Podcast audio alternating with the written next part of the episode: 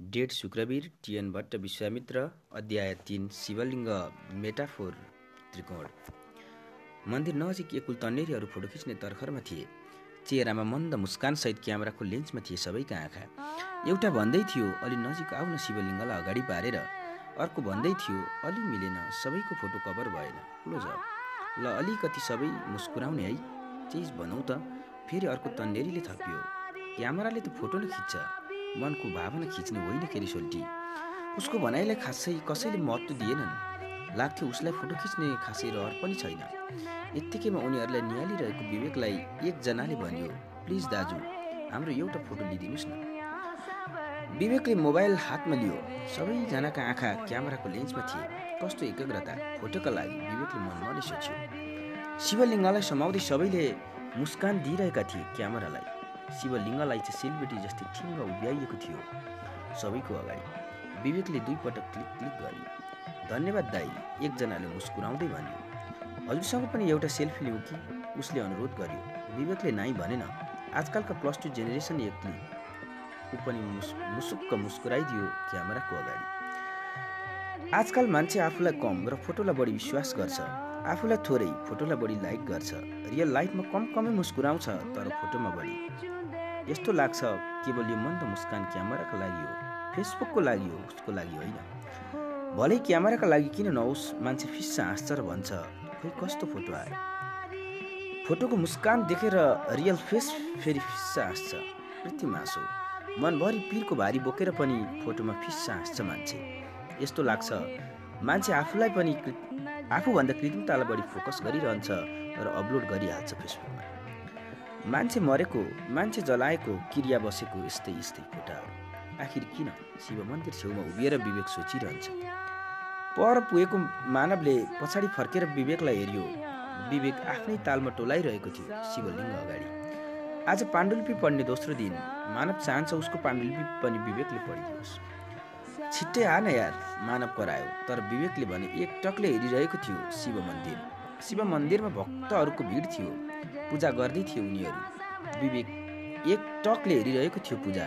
शिवलिङ्गलाई दुधले पखालेर त्यो दुध शिरमा राख्दै थिइन् एक अद्वैत नारी यो कस्तो धर्म? कस्तो आस्था? कस्तो अशक्ति कस्तो प्रेम? कस्तो समर्पण? यो शक्तिको प्रतीक कि पुरुषत्वको बिम्ब? विज्ञान कि मनोविज्ञान? सोचिरहेको थियो विवेक। शिवलिङ्ग वर्षौँदेखि उभिरहेको थियो एउटा त्रिकोणमाथि। लाग्थ्यो यो त्रिकोण र पर्पेन्डिकुलरको सम्बन्ध अनादिका अनादिकालदेखि नै भएको। सायद पाइथागोरसले पाइथागोरस साध्यको कन्सेप्ट त्यहीबाट त ल्याएनन्। मुस्कुराउँदै थियो विवेक। सायद पुरुष र नारी बिचको प्रेमको बिग मेटाफोर पो हो कि यो शिवलिङ्ग र त्रिकोण? त्रिकोणबाट बगिरहेको दुध हेर्दै मनमा नै सोच्दै थियो। विवेकले हेर्दा हेर्दै शिवलिङ्ग घिउले मस्त मालिस भयो। दुधले पखालियो ढोग्यो र पुज्यो। विवेकले सोच्यो ढुङ्गा पुज्ने देश पनि त हो नि प्रकृति र मान्छेको प्रेम नमुनाको प्रतीक। मान्छेमा विश्वास छ भावना मन्दिरमै बस्छन्। थाहा छैन खोइ कहाँ बस्छन् भगवान् तर पनि मान्छेको विश्वास डगमगाउँदैन। धार्मिक आस्था पनि कति बलियो हुन्छ अघि। मानव विवेक भएकै ठाउँमा आयो र उसले भन्यो देखिस् त यार ऊ त्यो मान्छे बिस वर्षदेखि यही मन्दिरमा देख्छु म।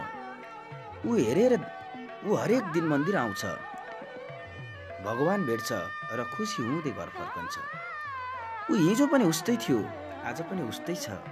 फरक यति मात्र हो आजकल ऊ छोरो लिएर आउँछ छोरोलाई पनि सिकाउँछ भक्ति मार्ग विवेकले गम्भीर हुँदै भन्यो मन्दिरभन्दा पवित्र मन हुनुपर्ने हो। मान्छे मन मनभित्रको मन्दिर भेट्दैन र डुलिरहन्छ ढुङ्गाको मन्दिर। पग्लनु पर्ने त मान्छेको मनै हो तर उसलाई लाग्छ मूर्तिहरू पग्लिन्छ जान्दा जान्दै पनि मन्दिरमा मूर्ति भेट्न भेट्छन्।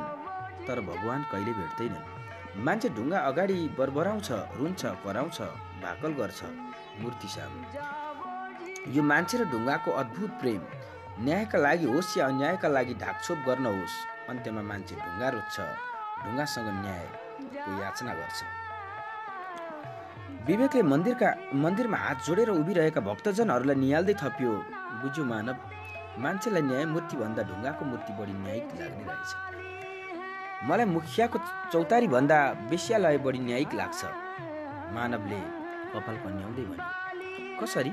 विवेकले प्रश्न गरे सिम्पल न सिम्पल न तारिख न पेशी न वकिल न बस तत्काल जस्टिस।